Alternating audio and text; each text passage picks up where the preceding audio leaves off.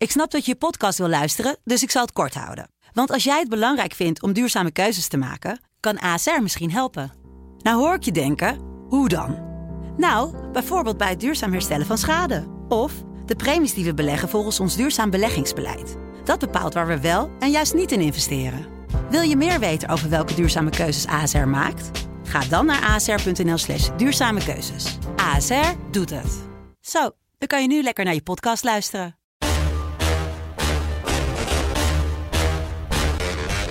Dit is Trick Privé.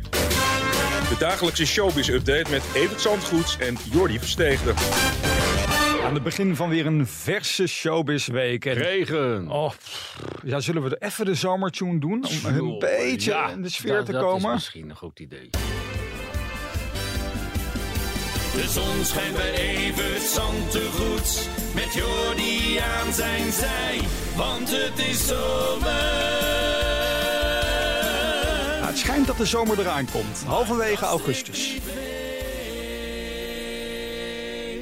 Nou, she, ma- she- she makes believe it. En toch ging jij eh, gisteren naar een festival. Het Milkshake Festival. Nou, voor het eerst van mijn leven. En ik vond het hartstikke leuk. Alleen ik was nog niet binnen of mensen komen naar me toe en zeggen...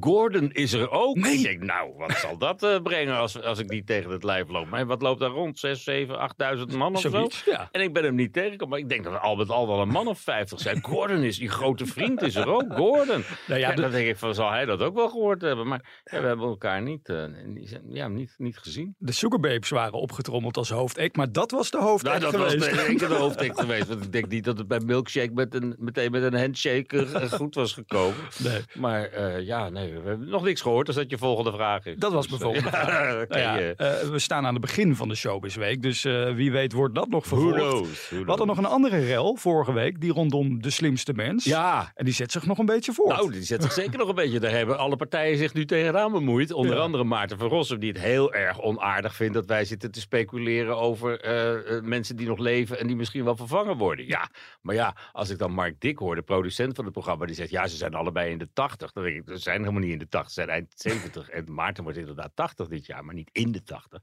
Dan denk ik, ja, er zit toch wel beweging in de opvolging. En Ja. eh, Herman van der Zand die heeft gezegd, voor 1 januari ga ik helemaal niks zeggen. Ik ga mijn eh, activiteiten bij de NOS afronden. Maar die Ja. weet natuurlijk al lang waarvoor die overstapt. Ja. Dus het zou inhouden dat we deze serie nog helemaal doen. En dan is er in de winter ook nog een serie. En dan zal wel aangekondigd worden, toch? Nou, Ja, zit ik weer te speculeren erover. Maar Oeh, er- pas op hè, want dat eh, er Maarten zit- heeft ook een podcast. Er zit wel wat te gebeuren, dat, geloof ik wel. Maar zou Ja, maar Maarten is niet zo goed in voorspellingen. Die zei de avond voor de inval van Rusland in Oekraïne ook dat dat er niet ging gebeuren. dus af en toe moet hij eh Ligt beter- op mijn intuïtie vertrouwen. Vanavond in ieder geval het 22e seizoen waar zij nog in zitten met z'n tweeën. En eh, Maarten van Rossum dus en Philip Freriks. Ja, We gaan naar een eh, hele andere rel in Amerika. Toch weer een beetje een buitenlandse podcast dit. Want eh, ja, het schijnt helemaal mis te zijn daar bij Harry en Meghan. Ze hebben ruzie met twee van hun allergrootste vrienden ooit. Ja, die op de bruiloft waren. En als Ja. ja. gast op de bruiloft waren, met wie ze heel dik waren en, en het heel goed konden vinden. En samen waren ze toch wel twee van de bekendste glamourparen in, in Engeland. Ja. En eh, ja, de Beckhams en, en Harry en Meghan liggen met elkaar overhoop. En dat komt denk ik dan ook niet meer heel goed, want het is echt een vertrouwensbreuk. Eh,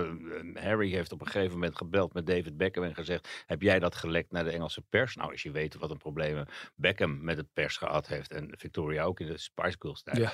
dan moet je niet denken dat zij nog even lekker die, die, die, die bladen gaan zitten, gaan zitten spekken met lekkere verhalen.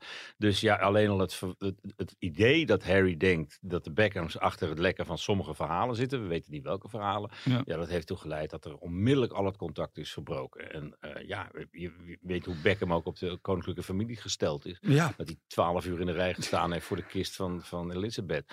Ik denk toch dat hij liever bij de koninklijke familie hoort dan bij de gedroste leden van de familie in Californië. Maar ze houden geen vrienden meer over, Harry en Meghan. Houden weinig vrienden over. George Clooney was ook een goede vriend van hun. Ik geloof dat jij gisteren in shownieuws zei dat dat, dat ook wel een beetje ook, voorbij is. Ook, ook die kiest toch meer voor de koninklijke familie. En dat Ja. heeft ook met die Amal te maken natuurlijk. Die in haar functie wel met die oorlogs te maken heeft. En Ja. ja, dan toch ook liever door Charles wordt ontvangen dan eh, in het nieuwe huis in Malibu van, eh, van Harry. Precies.